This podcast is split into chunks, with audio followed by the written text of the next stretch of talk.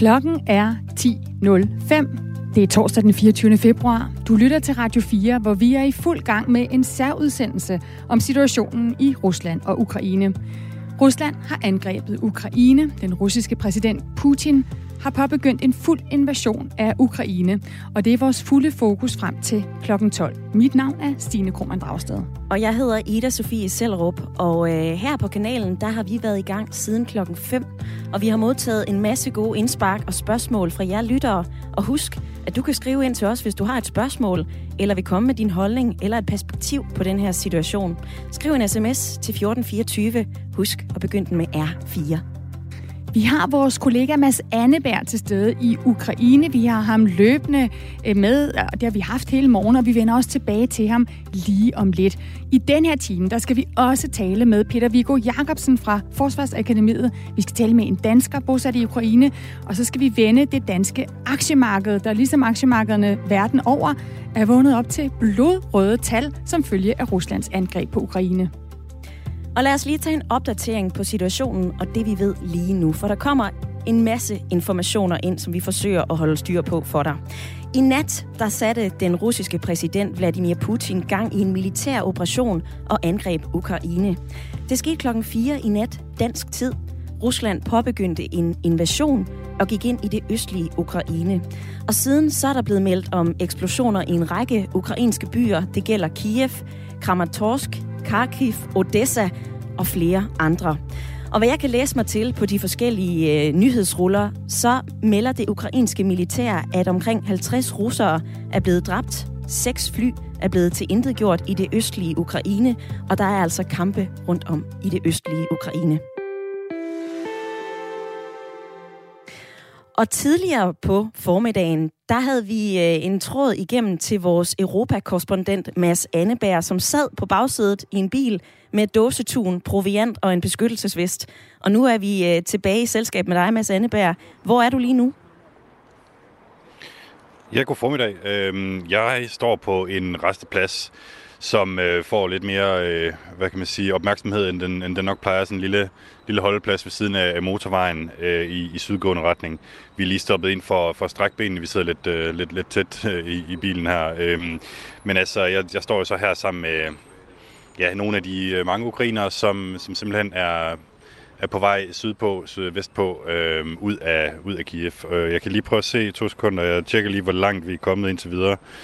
Øh, 17 km er vi kommet på cirka halvanden time, så det, det er gået lidt træt i trafikken, må man sige. Er der kø den anden vej mod Kiev? Nej, der kan man, øh, der kan man få rimelig fri bane, hvis man, øh, hvis man har lyst til det. Øhm, jeg står faktisk her sammen med, øh, sammen med Jaroslav, som er en ung ukrainer, der er på vej i samme retning som, som mig selv. Øhm, lad os lige prøve at høre, how are you feeling this morning? Uh, actually, I want to say that in this morning I want to sleep, but uh, suddenly my father called to me and uh, asked me about uh, if uh, Kiev in attack, and I started to searching news in internet, and I saw that. Ukraine, Ukraine is under attack, and I decided to go to my family in Uman yeah, I think uh, we should uh, we should keep calm and trust God. Uh, don't panic because uh, if you in uh, in stress, uh, you can make many wrong decisions. Jaroslav, han bor og arbejder i Kiev, men hans familie kommer altså fra en, øh, en mindre by, som ligger mellem Kiev og Odessa. Der er han på vej ned nu, fordi hans far ringede tidligt, tidligt i morges og sagde, at der er krig i, i, i, i Kiev, og så øh, fik han ellers benene på nakken. Øh, og man kan sige, han, han siger jo altså, at man skal undgå i, at gå i panik, men øh, ikke desto mindre så er han og rigtig, rigtig, rigtig mange andre ukrainere altså på vej ud af, af, af byen lige nu. Um, what, what do you think is going to happen today? I don't know. I don't know because uh, you know uh, it's a very uncontrolled situation, and uh, I think only God knows what can happen. You know because situation um, is changing. Uh, so I don't know. How do you feel for your country today? I think now for my country it's not uh, in safety. You know, it's pity. Ja, det er altså Jaroslav her, som siger, at hans, øh, hans land er ikke i sikkerhed i dag, og øh, det, er han, det er han ked af, kan man mærke. Mm. Mads, du har været i øh, Ukraine i knap to uger. Hvad fik dig til at rykke og tage den her beslutning om at køre ud af Kiev for en times tid siden? Jamen altså, øh, det, var vel, det var vel egentlig bare en beslutning, jeg sådan lige hævde ud af røven i, i situationen. Altså, for at være helt ærlig, så, så, så, så er det svært at, at vurdere, om det er bedst at, at blive, hvor man er, eller at, at komme ud. Nu, øh, nu var der tre andre danske journalister, som også... Øh, som, som, som havde en bil og, og var på vej sådan, øh, øh syd, sydvest på, øh, uden at have noget sådan nærmere bestemmelsessted, og så, så valgte jeg simpelthen bare at hoppe med der, øh, for at komme lidt ud af byen, lige se situationen anden, og så kan man, altså, nu fik jeg nævnt, at, at vejbanen er helt fri i den anden retning. Øh, det, det går ud fra, at den kommer til at være i løbet af dagen, så kan man altid tage videre. Øh, jeg kan jo ikke rapportere, at der kommer øh, altså sådan militære køretøjer her, som er, som er på vej sydpå. Det er jo svært at sige, hvad, hvad i alverden der kommer til at ske i dag. Vi har jo meldinger om angreb, ikke bare på Kiev jo, men på øh, masser af steder i det sydlige og det østlige Ukraine. Ja. Så altså, hvad, hvad, det, det er virkelig svært at danne sig et overblik over, hvad der, hvad der foregår og hvor der er sikkert. Mads, vi ringer dig op senere på øh, formiddagen. Tak for din tid. Selv tak.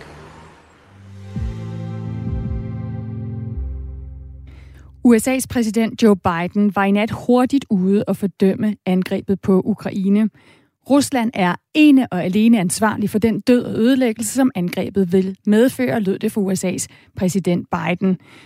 Og Rasmus øh, Sending Søndergaard, jeg har dig igennem skal vi se ja. her. Ja, du er seniorforsker ved DIS med særligt fokus på netop amerikansk udenrigspolitik og diplomati. Velkommen til Radio 4. Tak for det. Hvilke reaktioner er der ellers kommet fra amerikanerne ud over den her fordømmelse fra præsident Biden?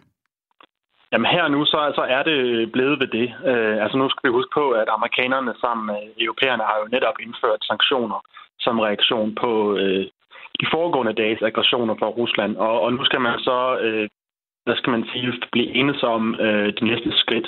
Europæerne har allerede meldt nogle ting ud. Men fra amerikansk side, så er det fordømmelse selvfølgelig fra Biden-administrationen. Man har også hørt øh, både i det republikanske og demokratiske parti i kongressen, at der bliver kaldt for, at nu skal USA øh, stramme op og tage nogle øh, langt hårdere sanktioner i brug. Øh, det er der, vi er nu. Så ved vi, at øh, der skal være møde både i NATO og G7, også her i dag, hasteindkaldt. Um, så vi finder ud af i løbet af dagen, uh, hvad amerikanerne vil gøre ud over uh, den her fordømmelse. Men som du ser det lige nu, for øh, hvad der sker over i USA, så er det altså sanktioner og flere sanktioner, der er på bordet. Det er helt klart sanktioner. Det har det været meldt ud øh, ja, i månedsvis nu, kan man sige, øh, efterhånden, som øh, amerikanere har øh, orienteret os alle sammen om, at de formodede, at russerne ville øh, simpelthen øh, gå efter at invadere Ukraine, som så øh, er tilfældet nu der har der hele tiden været meldingen, at det, man vil gøre fra amerikansk og vestlig side, det er økonomiske sanktioner mod russerne. Og så har man selvfølgelig øget økonomisk hjælp, og også fra Storbritannien og USA's side øget øh, militær hjælp til Ukraine i form af, af våben og den slags. Men man er i en situation nu, hvor at, øh, det, man kan gøre for Ukraine fra vestlig side, er forholdsvis begrænset. Altså man kan slå hårdt ned på russerne, og det kommer helt klart i form af økonomiske sanktioner. Og så kan man hjælpe Ukraine i det omfang, at man kan udtrykke solidaritet og opbakning. Man kan fordømme russernes handling. Øh, man vil formentlig også øh, i stigende grad dele øh, efterretninger med Ukraine, altså indsamle informationer om, hvad russerne gør. Prøve at hjælpe ukrainerne så meget, som man kan. Måske øge økonomisk hjælp. Men jeg tror, man vil være noget tilbageholdende med for eksempel at sende flere våben i stedet, fordi der er jo en overvejende risiko for nu, at øh, det ukrainske militær bliver overløbet af russerne, og hvis man giver ukrainerne, øh, skal man sige, mere højteknologiske militære våben, så ender de med måske at, at falde i Putins hænder øh, om, om noget tid, når hvis russerne ligesom overtager Ukraine permanent. Og Rasmus Sinding Søndergaard, kan du ikke lige prøve at forklare det her? Der er mange lytter, der skriver ind, hvorfor vi i Vesten, hvorfor USA ikke kan gøre noget mere end sanktioner. Hvad er det, der gør, at USA tøver i forhold til øh, Putin og et Rusland, der nu invaderer et suverænt land? Absolut, jeg kan sagtens forstå det. Altså i, i Vesten har vi øhm, jo i længe, vi har jo slået for, at vi har den her regelbaserede internationale orden, og vi har ligesom etableret en norm om, at man ikke må invadere andre suveræne lande, og landets selvbestemmelse skal gøre sig gældende. Det vil sige, at landene selv skal have lov at bestemme, øh, hvordan de vil regere sig selv, og hvilke for eksempel grupper de har lyst til at indgå i, for eksempel EU osv. Øh, og det er et, et princip og en orden, som russerne øh, ikke efterlever. Og så kan man jo undre sig over, hvorfor vi så i Vesten ikke ligesom går mere hårdhændet til værks i forhold til at stoppe russerne. Men der skal vi jo huske på, altså, at Ukraine er ikke en del af NATO. Ukraine er ikke en del af EU. Ukraine står altså uden for, øh, hvad skal man sige, den vestlige beskyttelse. Og det har været meldt klart ud helt fra starten af, at man fra, fra vestlig side, fra, fra EU og NATO, ikke ønsker øh, en militær konfrontation direkte mellem NATO og Rusland. Og det er jo det, man ville få, hvis man fra vestlig og amerikansk side gik ind og sendte tropper for eksempel til Ukraine og forsøgte at stanse russerne. Så ville man stå i en fuldstændig uoverskuelig militær sikkerhedsmæssig situation, hvor altså to store militære, det russiske og det amerikanske og NATO, med masser af atomvåben på begge sider, øh, vil være en militær konfrontation, der kunne eskalere ret hurtigt. Så det har hele tiden været altså sådan en rød linje. Man har sagt, at man, man vil støtte ukrainerne, man vil fordømme russerne, men man vil ikke risikere en direkte militær konfrontation med russerne og NATO. Rasmus Sinding Søndergaard, du får nævnt flere supermagter. Hvis vi går endnu længere mod øst, så øh, stiller mm. Henrik Nielsen på sms'en et spørgsmål. Er der ingen, der er nervøse over Kinas og Ruslands tætte ideologiske og økonomiske bånd? Det er et godt spørgsmål, og det er der helt klart mange, der er bekymrede over. Altså russerne og, Amerika- øh, russerne og kineserne har i de seneste år jo, øh, hvad skal man sige, netop knyttet de her tættere bånd, og de har især været knyttet som sådan en slags fælles alliance imod USA og imod os øh, Europa og Vesten. Og, og det er en bekymring. Amerikanerne er meget fokuseret på Kina. Amerikanerne vil helst undgå en meget tæt russisk-kinesisk øh, alliance, fordi at de to lande til sammen kan vise sig at være en, øh, en noget stor mundfuld at skulle håndtere fra, fra vestlig side. Så derfor så ønsker man fra amerikansk side egentlig at holde russerne lidt i skak, og så ellers kunne fokusere på Kina, som man ser som den, sådan, den reelle, øh, så systemiske, strategiske udfordring for amerikanerne på længere sigt. Men det er ikke sådan, øh, Putin ønsker, at det skal foregå, og han har i hvert fald gjort, hvad han kan for at drage vestlig og amerikansk opmærksomhed øh, på russerne. Øh, så den her alliance, der sådan er i gang mellem russerne og kineserne, det er noget, som man er meget, meget bekymret for over i USA, og selvfølgelig også i Europa. Og når du sidder og kigger på det, Rasmus Sinding Søndergaard, ser du så, at det her det er et brud med, altså det er jo store ord, hvis vi siger verdensorden, men vi har jo haft en verdensorden, som du også selv siger, hvor USA ligesom i lang tid har kunne være politibetjent, og hvor man øh, har kunne stole på, at de har kunne komme ind til undsætning, øh, hvis man blev øh, troet af bøller. Er det her et eksempel på, at den verdensorden, den er ved at krakelere? Det er det afgjort. Øh, det har vi set i, i de seneste uger, øh, og nu er det endegyldigt slået fast, altså med den sådan, hvad skal man sige, helt øh, omfattende militær intervention, øh, invasion, som russerne har lavet i Ukraine. Altså det er et meget, meget klart tegn på, at russerne ikke er så bange for amerikanerne og er klar over, at amerikanerne øh, er begrænset i, hvor langt de vil gå i forhold til at opretholde den her orden. Og man derfor kan fra russisk side, og måske også fra kinesisk side, begynde at se på, verden på en anden måde og sige, at vi har nogle interessesfære øh, omkring os, som vi vil diktere, hvordan tingene skal foregå. Det er det, Putin er i gang med. Han er i gang med at skabe et rum omkring Rusland, hvor at øh, de internationale spilleregler ikke gælder, men hvor magt gælder, og hvor Putins øh, ligesom, ord er lov. Øh, det, det, er, det er det, vi ser nu. Altså, det er et opgør med den her øh, regelbaserede orden, som jo har været under pres i lang tid. Øh, og det ser vi nu, at, at, at Putin ligesom sætter trumf på. Når det så er sagt, så skal vi jo ikke føle os øh, altså bekymrede herhjemme. Altså vi skal huske på, at altså, NATO består jo stadigvæk. Altså NATO er blevet styrket af den her situation, fordi at sammenhængskraften i Europa og i USA er helt klart er, er, har fået et nyt opad. Fordi at vi ligesom nu har en fælles ydre fjender sammen imod.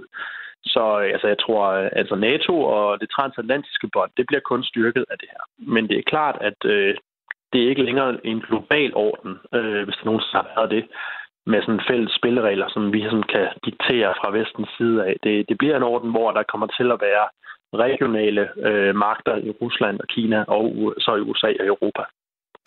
Tak for den vurdering, Rasmus Sending Søndergaard. Velkommen. Altså seniorforsker ved DIS er med her på Radio 4, hvor vi er i gang med en særudsendelse lige nu, hvor vi følger udviklingen i Ukraine. Rusland har invaderet Ukraine. Der er angreb både på landjorden og til luften. Og for lige at få styr på de politiske reaktioner på den her udvikling, så øh, står vi jo der, hvor i nat så satte den russiske præsident Vladimir Putin gang i en militær operation, et angreb på Ukraine. Det skete altså klokken 4 i nat dansk tid.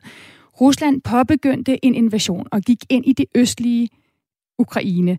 Øh, og siden da der er der blevet meldt om eksplosioner i en række ukrainske byer. Det drejer sig blandt andet om hovedstaden Kiev, om Kramatorsk, om Kharkiv og om Odessa, som er en af en meget stor ukrainsk by, der ligger i det sydlige Ukraine ud mod Sortehavet, og en række andre byer. Statsminister Mette Frederiksen udtaler i en pressemeddelelse, jeg fordømmer Ruslands angreb på det stærkeste. Det er en skræmmende og helt uprovokeret handling, der strider mod FN-pakten og folkeretten. Det her det skal have konsekvenser for Rusland. EU og NATO vil mødes inden for kort tid, siger altså statsminister Mette Frederiksen. Og den danske udenrigsminister Jeppe Kofod, han holdt pressemøde her kl. 8 til morgen, og sådan her lød det på TV2 News. Det her det er altså en, øh, en mørk dag i Europas historie. Det vi ser nu, det er, at øh, Rusland har iværksat et øh, tilsyneladende omfattende angreb, invasion af Ukraine, øh, både fra øh, øst, fra syd, fra nord af rapporterne om angreb de større byer i Ukraine er, øh, er blevet angrebet. Øh, det er præcis det, som også amerikanerne har været ude og advare om. Den drejebog, som, som der har ligget fra Rusland og Putins side, den bliver nu øh, desværre til virkelighed.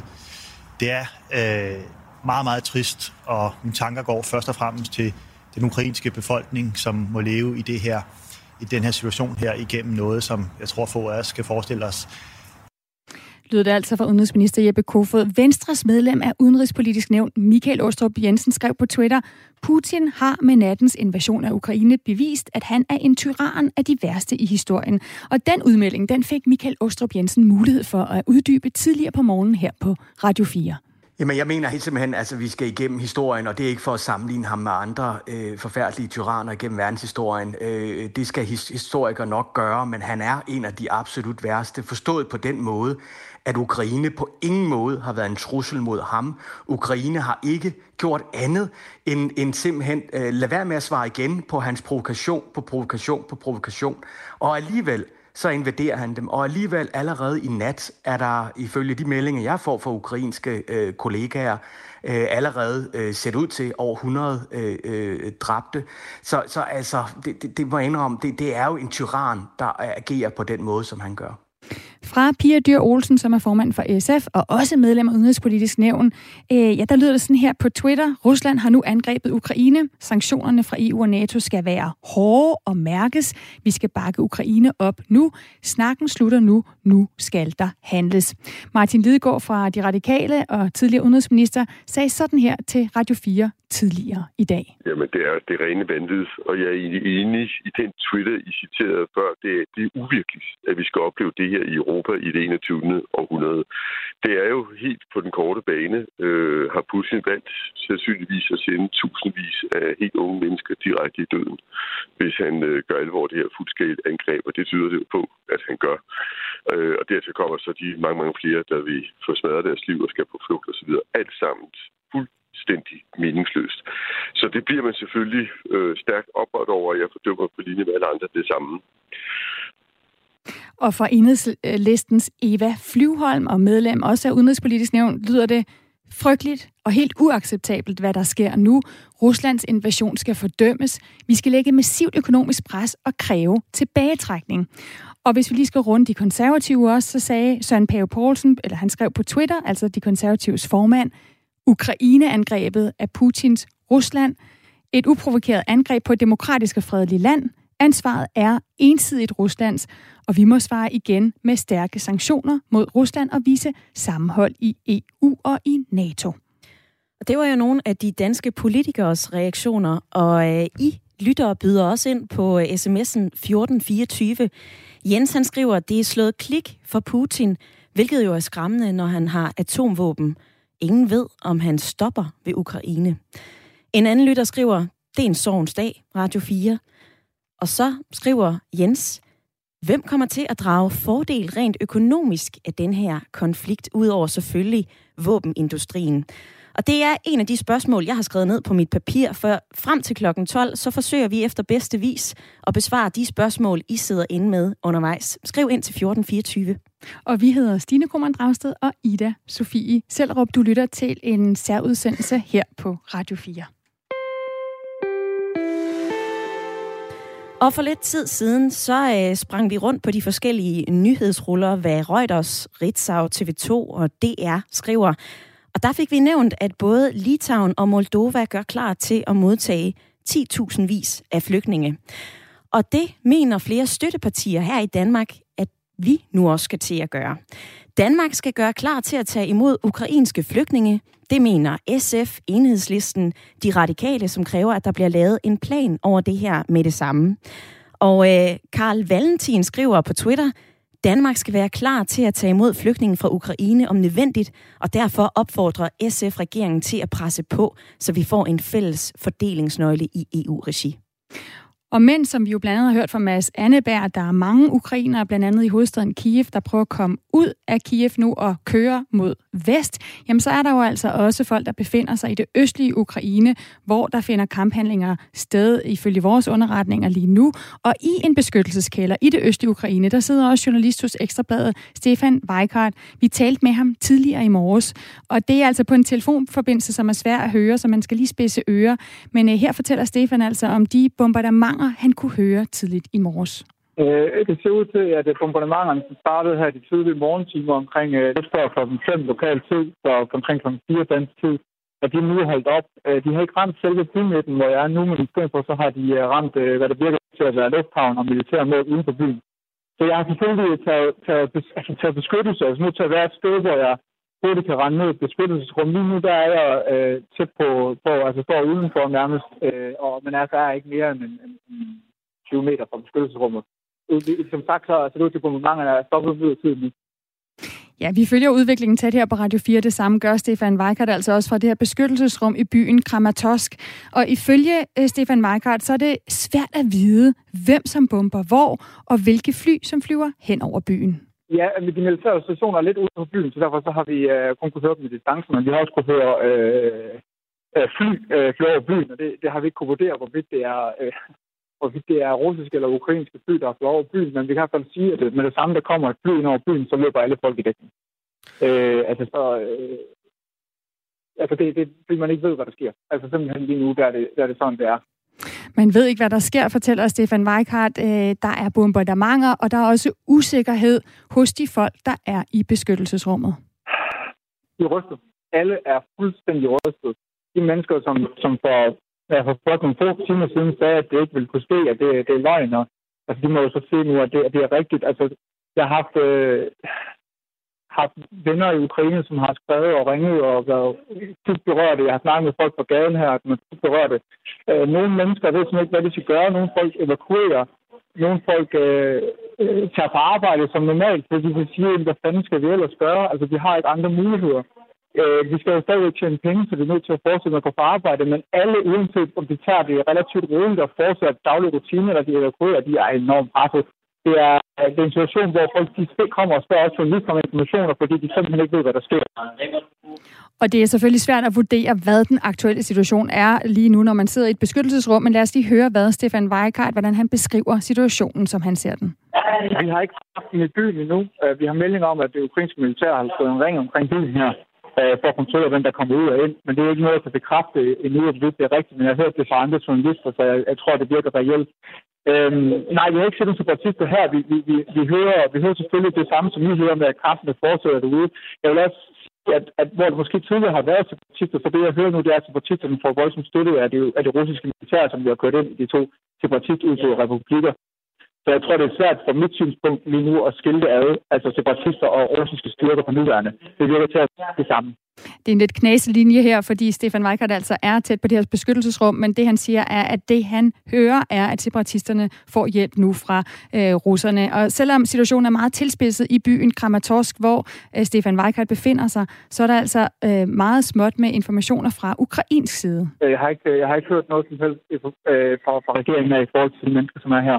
Vi har ikke haft nogen øh, regeringsfolk, som har gået ud og sige noget. Vi har ikke nogen militærfolk på døren, der fortæller noget øh, for nuværende, der øh, er folk lidt efterladt for sig selv, og det er nemlig det præcis det, der giver udtryk ved, at folk kommer og spørger journalister om, hvad, hvad pokker der foregår.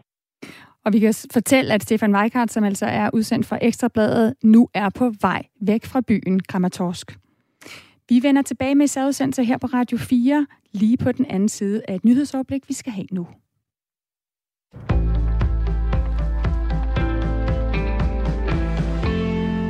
Rusland er i færd med at invadere dele af Ukraine, og de ukrainske styrker har ikke store chancer for at forsvare sig selv mod Rusland. Det vurderer Anders Puk Nielsen, militærforsker ved Forsvarsakademiet. Det er simpelthen fordi, at Rusland øh, rent teknologisk har udstyr, der er flere generationer nyere end ukrainerne, så de har en kæmpe teknologisk fordel. Til gengæld får russerne svært ved at kontrollere hele landet.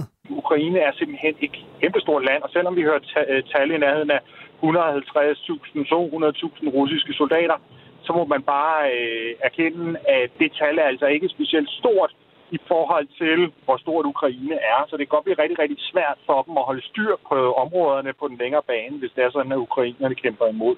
Den russiske præsident Vladimir Putin er afhængig af støtte fra separatistgrupper i Ukraine, hvis han skal vinde en krig.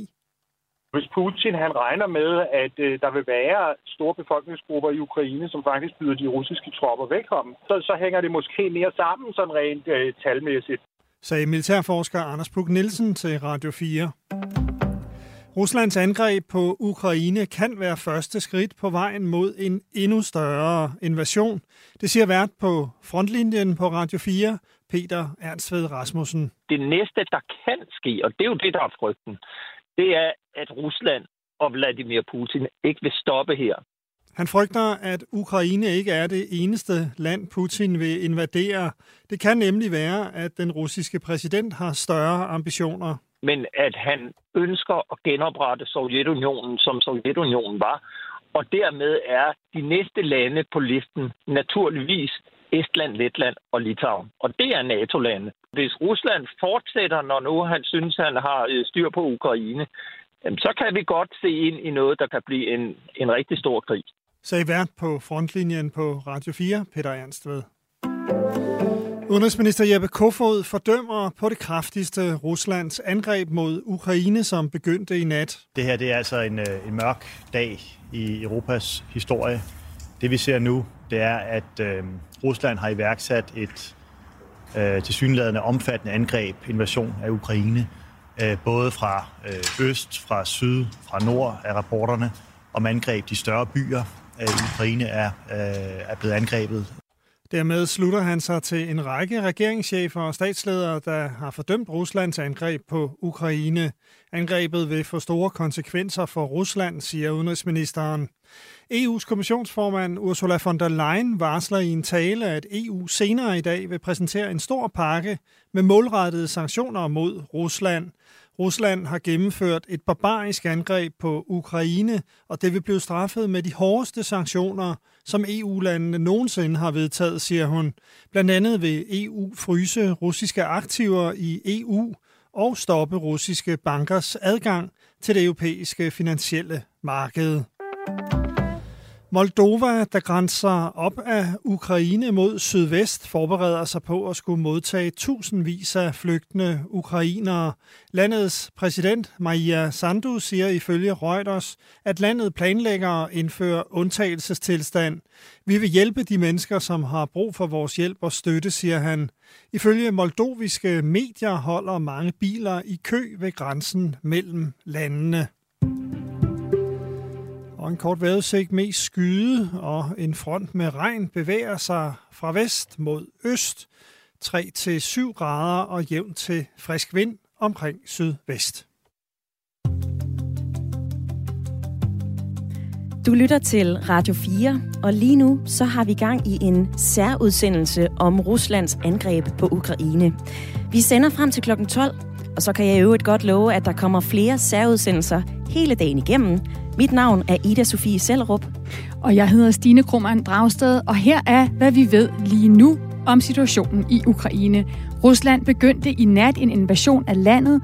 Russiske tropper gik ind i det østlige Ukraine, og der er siden blevet meldt om eksplosioner i en lang række ukrainske byer, heriblandt hovedstaden Kiev. Den danske ambassade i netop Kiev er allerede lukket ned. Det ukrainske forsvarsministerium har meddelt, at man har skudt fem fly og en helikopter ned.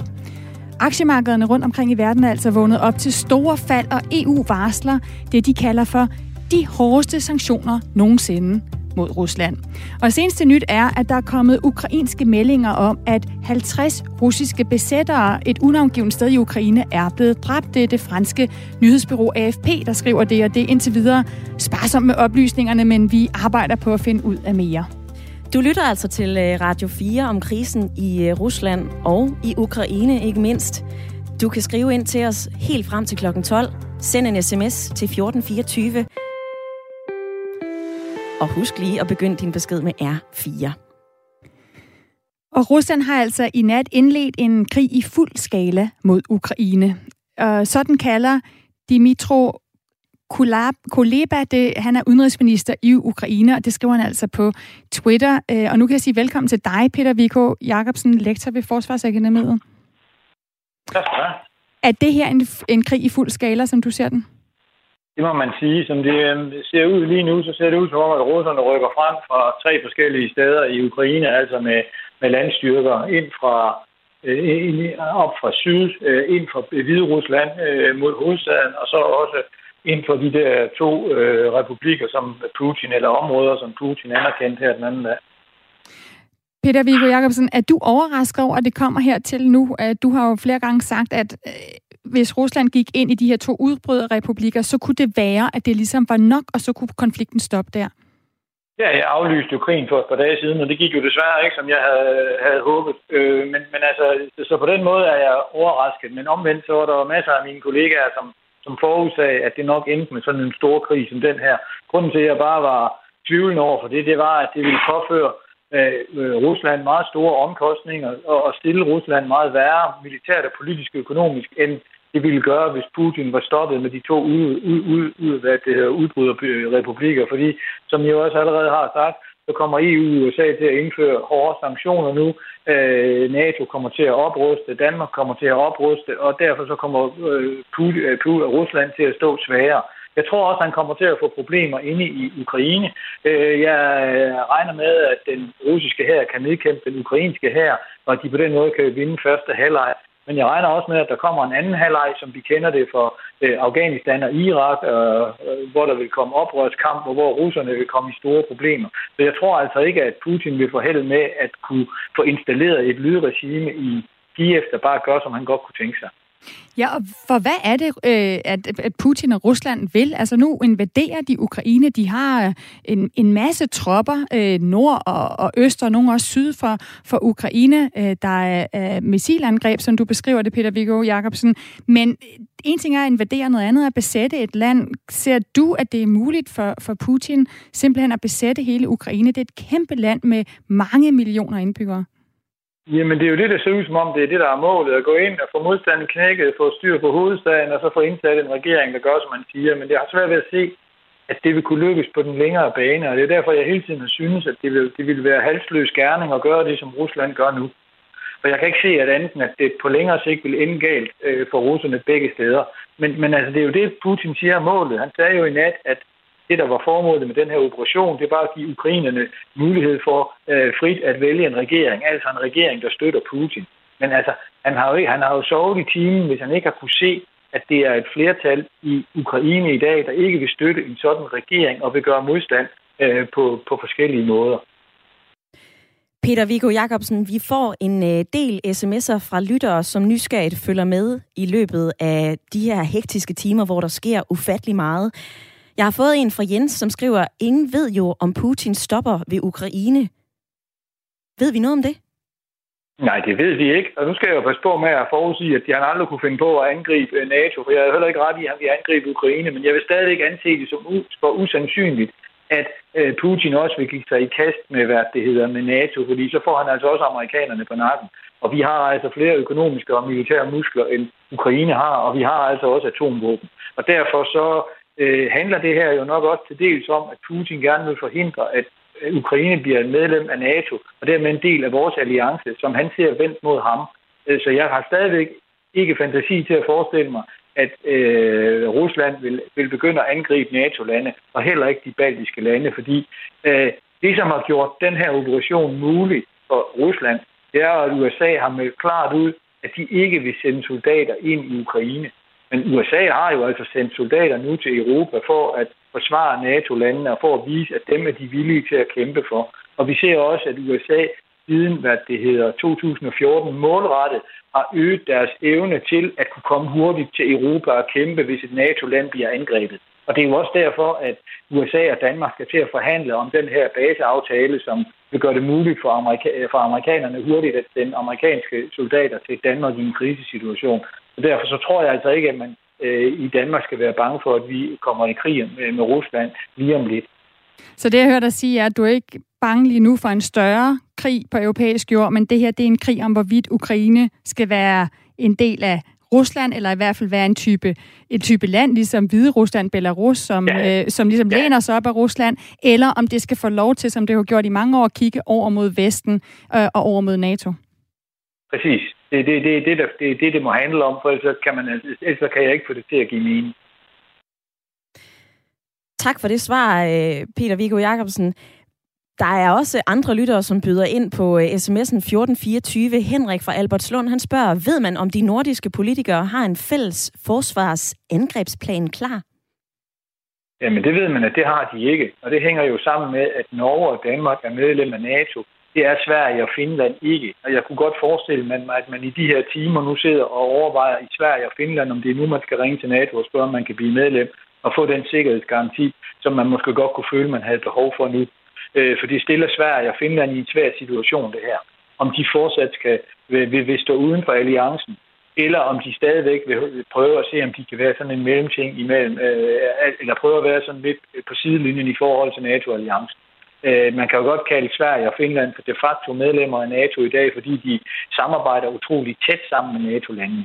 Men de er altså ikke en del af den fælles forsvarsplanlægning i NATO. Vi, øh, vi, vi deler informationer med dem, og vi har også nogle samarbejdsaftaler, og de har også samarbejdsaftaler med USA, men det er ikke det samme som NATO-medlemskab.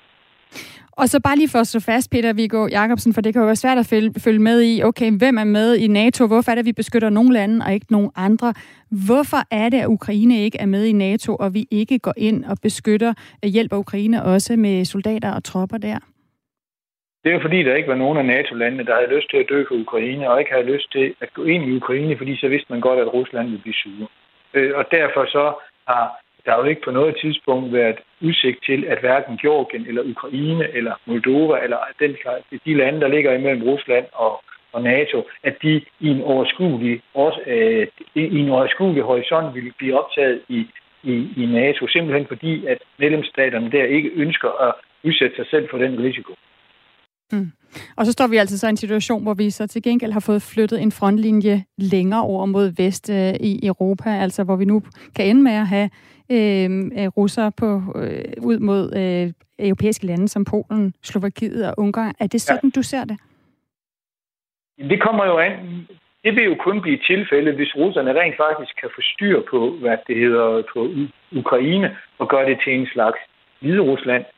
Men i Hvide Rusland, der har man jo en regering, der er afhængig af Rusland for at holde sig til magten, og som samarbejder helhjertet med russerne. I hvert fald et langt stykke hen ad vejen, når vi taler om militærpolitik og den slags ting. Jeg har meget svært ved at se, hvordan man skal øh, hvad det hedder, skabe en tilsvarende regering i Ukraine, som befolkningen også vil lytte til. Altså man har selvfølgelig godt indsat en marionetdukke i Kiev, men han vil jo ikke have nogen støtte hverken for det ukrainske forsvar, sikkerhedsstyrker eller andet. Og jeg er svært ved at se, hvordan man skulle opbygge det, således at det vil blive lige så roligt, som øh, Hvide Rusland er. Og derfor så forudser jeg en periode, hvor russiske soldater og sikkerhedsstyrker vil få meget svært ved at holde styr på øh, hvad det hedder, Ukraine, og det var fordi, de skulle bruge alt tid på at holde styr på Ukraine, og vi altså ikke kunne bruge deres tid på at se farlige ud i forhold til NATO. Hvad er den danske regeringsplan for mobilisering af det danske forsvar, spørger Mikkel på en sms.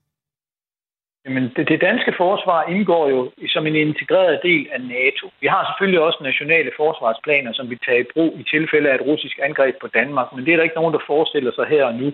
Men øh, det danske forsvar tænkes jo sammen med NATO's forsvar, og det er jo derfor, vi i dag har indrettet et forsvar, der øh, lynhurtigt kan stille styrker til rådighed for NATO. Og det har vi allerede set Danmark gøre. Vi har set Danmark sende fire kampfly til de baltiske lande for at hjælpe med luftforsvaret af de baltiske lande. Vi har set Danmark sende et krigsskib til Østersøen. Vi har set Danmark trække et krigs, krigsskib hjem for øh, Guinea-bugten, hvor de var nede og jagte pirater, og nu skal det hjem og stå til rådighed for NATO. Og vi har også i øjeblikket en, en hvad det hedder, bataljon stående på kort beredskab, øh, på Antvorskov kaserne. Og der er det jo meningen, at hvis vi NATO øh, anmoder om hjælp for Danmark, ja, så vil øh, Danmark stille øh, den her militær, den her herrestyrke til rådighed for NATO. Men det Danmark gør, det er altså noget, der sker i tæt koordination mellem den danske regering og så NATO's ledelse. Og Peter Viggo Jacobsen, altså lektor ved Forsvarsakademiet. Vi får at vide lige nu, at øh, der er nyt fra Hvide Rusland, også kaldet Belarus, altså at de er klar til at hjælpe Rusland mod Ukraine. Hvide russiske styrker kan tilslutte sig Ruslands offensiv mod Ukraine, hvis der bliver brug for det, det siger altså Hvide Ruslands præsident Alexander Lukashenko ifølge Reuters. Hvad betyder det, Peter Viggo Jacobsen, at vi nu øh, også har et Hvide Rusland, der helt og aldeles putter, sætter sine lodder i Putins vægtskål? Ja, men det vidste vi jo godt, de gjorde i forvejen. Altså et eller andet sted er Rusland jo, eller øh, Hvide Rusland, efter det her folkelige oprør, der var imod Hvide Rusland, som gjorde øh, den hviderussiske præsident dybt afhængig af, hvad det hedder, af Putins støtte. Der, der må man sige, at der overgik det fra at være et, et selvstændigt land til at være en lydrepublik, øh, der ligger under Rusland. Og det er jo lidt det, som øh, Putin også gerne vil gøre Ukraine til. Og derfor så er den her melding egentlig ikke overraskende, og den ændrer egentlig heller ikke noget, fordi russerne har op mod 90, 190.000 mand stillet op på grænsen til Ukraine, og derfor så vil de godt kunne løse den her militære opgave uden hjælp fra Hvide Rusland. Men hvis de senere skal til at have besættelsesstyrker, ja, så kan det jo godt være, at, at hvide russerne bliver sat til det. Og det kan jo så ende med at blive lige så ubehageligt for de hvide russiske soldater, som det var for de danske soldater i Helmandprovinsen. Hvor ser du i forhold til nu kampen, der er i gang i Ukraine, hvor stærkt Ukraine står militært over for Rusland, når vi nu også hører, at der kan komme hvide russiske styrker, der, der kan tilslutte sig Ruslands offensiv? Altså, Jamen, altså hvor, hvor lang tid kan Ukraine holde stand? Balancen, balancen er utrolig skæv, og jeg tør ikke spå, spå om, hvor lang tid de kan holde stand, men jeg tror ikke, de kan holde stand. Og jeg tror, at Rusland vil vinde den her konventionelle kamp, som man kan kalde første halvleg. I gengæld så tror jeg, at der kommer en anden halvleg, ligesom vi også så det i Irak og Afghanistan, hvor der kommer oprørskamp, guerilla, vejside bomber og alle den her slags ting. Og der tror jeg, at russerne ender med at tabe på sigt. Sagde altså Peter Viggo Jacobsen, lektor ved Forsvarsakademiet. Tusind tak for at komme med den vurdering her på Radio 4. Ja, tak. Hvor du altså lytter til en særudsendelse med Stine Krummernd Dragsted og Ida Sofie Sellerup. Og der vil jeg lige øh, endnu en gang opfordre jer til at være med i samtalen. Vi har altså øh, åbnet for øh, sms'en. Sidder du med et spørgsmål, som vi kan stille en af de eksperter, som vi taler med i løbet af de næste par timer, så send det endelig afsted. Det kan også være en, en øh, reaktion på det, du oplever lige nu. Det kan være, at du har familie i Ukraine. Uanset hvad du sidder med, så vil vi gerne høre det. Bød ind på sms'en 1424. Husk at begynde din besked med R4. Putin er en bølle, er der en, der skriver ind til os. Vi har morgen igennem hørt om lange bilkøer med folk, der forsøger at komme ud af hovedstaden Kiev. Mange søger mod sikkerhed i det vestlige Ukraine og også videre ud af landet. Vi fangede Sergi Kiral, altså viceborgmester i Lviv, hovedstaden i det vestlige Ukraine, på vej ind til et krisemøde med alle myndigheder i regionen. The city will uh, for sure organize uh, itself and uh, uh, make sure we have the necessary accommodation and uh, uh, food uh, and water uh, for in case of uh, when this happens. Uh, as of right now, as we speak, uh, there is no um, major inflow of of, of refugees coming into the city.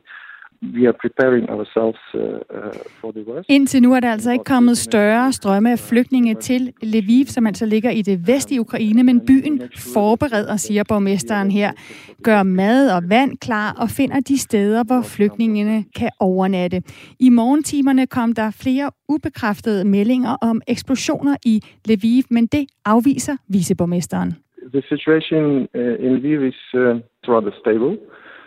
We do not see any uh, active uh, action organized uh, by Russia.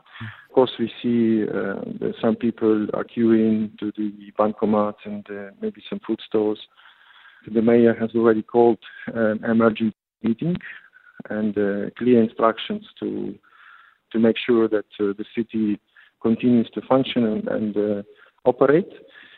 Siger viceborgmesteren altså. Lviv har ikke været angrebet af russerne, lyder det her, og man gør lige nu alt klar for at holde byen kørende. Schools are, operating in a remote uh, mode. It's, it's quite a normal practice during the pandemic. Uh, the same with the kindergartens. Uh, and uh, yeah, so uh, the public transport is uh, operating and functioning. We have electricity, telecommunications. Skolerne er stadig åbne, børnehaverne er stadigvæk åbne, der er stadigvæk øh, offentlig transport og tag. Alt fungerer egentlig normalt, siger vise på borgmesteren. Russerne har altså med andre ord ikke angrebet den her vestlige by, og det ukrainske militær har heller ikke ændret deres tilstedeværelse i byen, ifølge viceborgmesteren. I stedet for følger de intensivt, hvad der sker ved fronten. What we know and what we have is that the Ukrainian military are um, causing a lot of loss uh, to the enemy and uh, and stand firm in uh, uh, in defending Ukraine and, and defend, defending Ukraine's sovereignty and Ukrainian people. Uh, and we here in Lviv, of course, uh, uh, also will have to make sure, and all the Lvivians, all the people of Ukraine who live in uh, so far the areas of uh, without active combat action, make sure that the Ukrainian military forces are, are getting all the support from us. Ja, han siger altså viceborgmesteren her fra Lviv, at det, de prøver at være sikre på nu, det er, at de giver al den støtte, de kan, både til øh, befolkningen og til de ukrainske styrker. Og han var altså på vej ind til et krisemøde med alle myndigheder i det vestlige Ukraine, da vi fangede ham, og derfor så sluttede han også med denne her appel. The unity, the solidarity and the, the maximum support from the international community uh, is, is critical. It's uh, it can uh, ensure uh, the, uh, the, the existence of Ukraine as, as a sovereign state. Ja, med sammenhold, med solidaritet og med støtte fra Vesten, der kan I være med til at sikre, at Ukraine fortsat kan eksistere som et suverænt land, lød appellen her fra viceborgmesteren i den vestlige ukrainske by Lviv, som altså lige nu forbereder sig på tusindvis af flygtninge fra resten af Ukraine.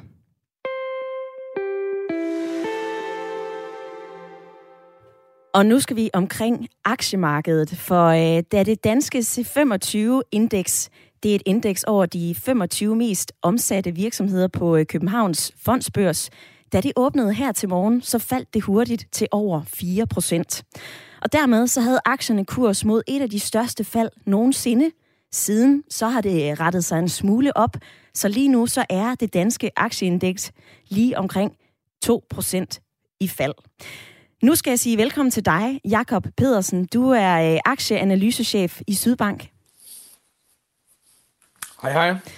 Er det forventet, at vi ser de danske aktier falde i det her omfang? Ja, det må man sige i høj grad. Altså det, det, der sker på aktiemarkedet, når det er sådan, at, at vi får en, en krig, som det vi nu øh, ulykkeligvis gør i, i Ukraine, det er, at investorerne, de trækker følehornene til sig. Altså alt, hvad der, alt, hvad der ligesom dufter af, af risiko, det, det bevæger man sig ud af. Og, og aktier er jo altså en af de sådan mere risikable typer af investeringer, i hvert fald når man kigger i forhold til eksempelvis obligationer. øh, og, og så giver det fald på, på aktiemarkederne. Og det gør det jo til syvende og sidst, fordi der er frygt for, at det her det, det kan sætte virksomhedernes indtjening under pres, øh, så indtjeningen ikke bliver så, så god, som det man ellers regnede med. Mm-hmm. Nu siger du, øh, det dufter af risiko, og den her dufter risiko var der jo både på det danske aktiemarked, men også når vi ser rundt om i verden. Så på den måde, så er det vel ventet, at øh, det danske marked tager så stort et slag, 4 procent? Jo, det er rigtigt. Det er rigtigt. Man kan også sige, at fra starten af, af dagen, der, der lå det danske aktiemarked til at falde noget mere end, end det generelle europæiske aktiemarked. Men den, det er faktisk vendt her hen over formiddagen. Øh, så er det som om, at der trods alt er kommet en lille smule rationalitet ind i, i de investorer, som egentlig bare er nervøst søger mod udgangen i øjeblikket.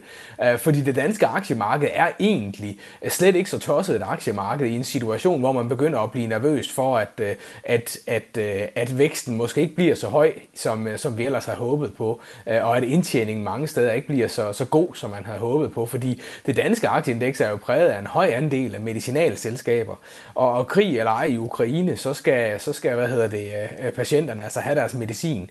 Øh, så, så, så vi har egentlig sådan et, et ret øh, øh kriseresistent øh, aktiemarked herhjemme i, i Danmark. Og det tror jeg også er årsagen til, at det ellers på en dag, hvor, hvor investorerne smider aktier fra sig i stor stil, øh, ikke falder så meget, som, som det gør i Europa. Det er en af forklaringerne. Er det til at spå om, hvordan udviklingen kommer til at se ud resten af dagen? Uh, ja, det, det er det vel, fordi uh, uh, hvis det er sådan, at, at, at, at vi ellers uh, ikke ser uh, noget uventet uh, fra, fra, fra, fra hverken Vesten eller fra, fra, fra Rusland, så vil, så vil det her være en dag, der bliver præget af fald. Øh, og, og så er spørgsmålet, om vi skal falde med 2% eller med 4%. Så, så det her bliver en dag med fald. Øhm, øh, og så, så, så, så må de næste dage vise, hvad kommer der så til at ske. Øh, øh, jeg, jeg tror, hvis vi kan være i en situation, hvor, hvor Vesten øh, afholder sig fra at gå militært ind i den her konflikt, og det er der noget, der tyder på i øjeblikket, øh, så tror jeg egentlig ret hurtigt, at, øh, at aktieinvestorerne de vender sig til, at, at der er krigshandlinger i Ukraine. Det er i hvert fald det mønster, vi, vi har set historisk, hvis det er sådan, at krigshandlingerne geografisk er relativt afgrænsede. Mm-hmm. Du fortæller, at det danske aktiemarked er øh, ret resistent. Det er ikke det værste sted at være. Skal vi alligevel frygte, at det her det blot er starten? Altså kan proppen på aktiemarkedet ryge ud? Ja, det har den jo egentlig allerede gjort, og, og man kan sige, at det danske aktiemarked kan godt være resistent over for den her type krise. Uh, men, men der er andre ting, det så er, ikke er så resistent over for, og det er blandt andet sådan noget som rentestigninger. Og det er altså også på vej, når det er sådan, at vi kigger længere ind i, uh, i hvad hedder det, 2022. Uh, og, og det tror jeg også vil være med til at gøre, at, at afkastet generelt på de danske aktier vil blive meget behersket uh, hen over de næste, de næste 12 måneder. Uh, og så handler det ellers meget om, jamen, hvad er det for en type krise, som, som investorerne er mest nervøse for. Hvis det er sådan, at det, at det er en, en krise som det her, så, øh, så er der altså, Øh, så tror jeg, at de danske aktier faktisk i perioder vil kunne klare sig bedre, end, det vi blandt andet ser i, i det øvrige Europa. Men, men, men, men hen over det næste års tid, der er mit bedste bud stadigvæk, at de europæiske aktier faktisk vil kunne levere et bedre afkast end de danske. Også selvom vi ikke herhjemme er, er, er så præget af, af de problemer, der kan blive på, på energiprisfronten. Fordi det er jo det, som mange investorer er nervøse for her. Det er, hvis, øh, hvis Putin han lukker for, øh, for gassen ind til Europa, så, så er det altså særligt tyskerne og, og italienerne skal nok være glade for, at vi er på vej imod varmere tider. Men hvad betyder det her for dig og mig og danskernes økonomi? Ja, det er, jo, det, det er jo det gode spørgsmål. Altså i første omgang, så kan vi jo notere os, at, at øh, oliepriserne de stiger kraftigt. Øh, prisen på en tøn olie er nu, har nu rundet 100 dollar i opadgående retning. Og det betyder jo også, at, at det bliver dyrere at tanke bilen, og at, at energipriserne generelt stiger.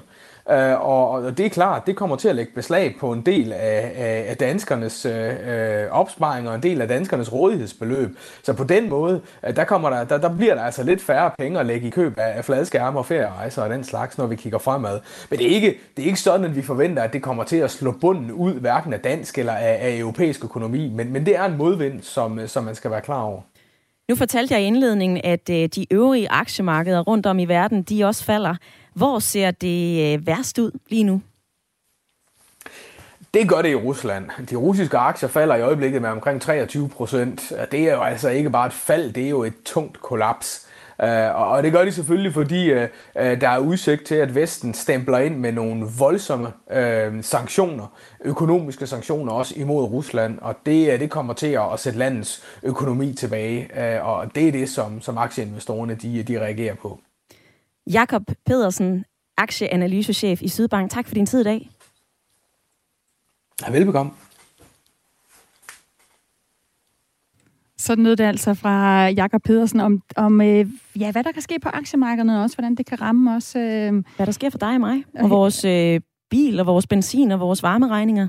Præcis.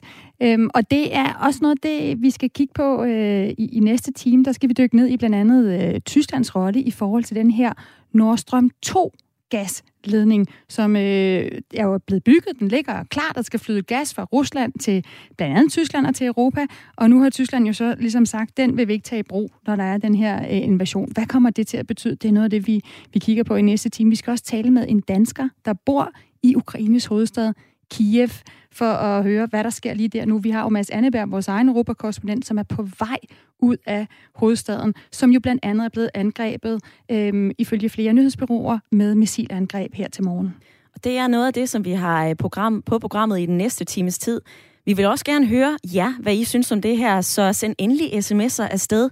1424 skal du skrive til, hvis du vil være med i samtalen. Husk at begynde din besked med R4. Og vi tager altså også gerne imod spørgsmål.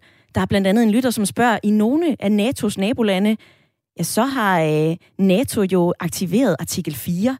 Hvad betyder det? Vi dykker ned i nogle af jeres spørgsmål så godt vi kan. Lyt med lige efter nyhederne. Som kommer her på Radio 4. Klokken er 11.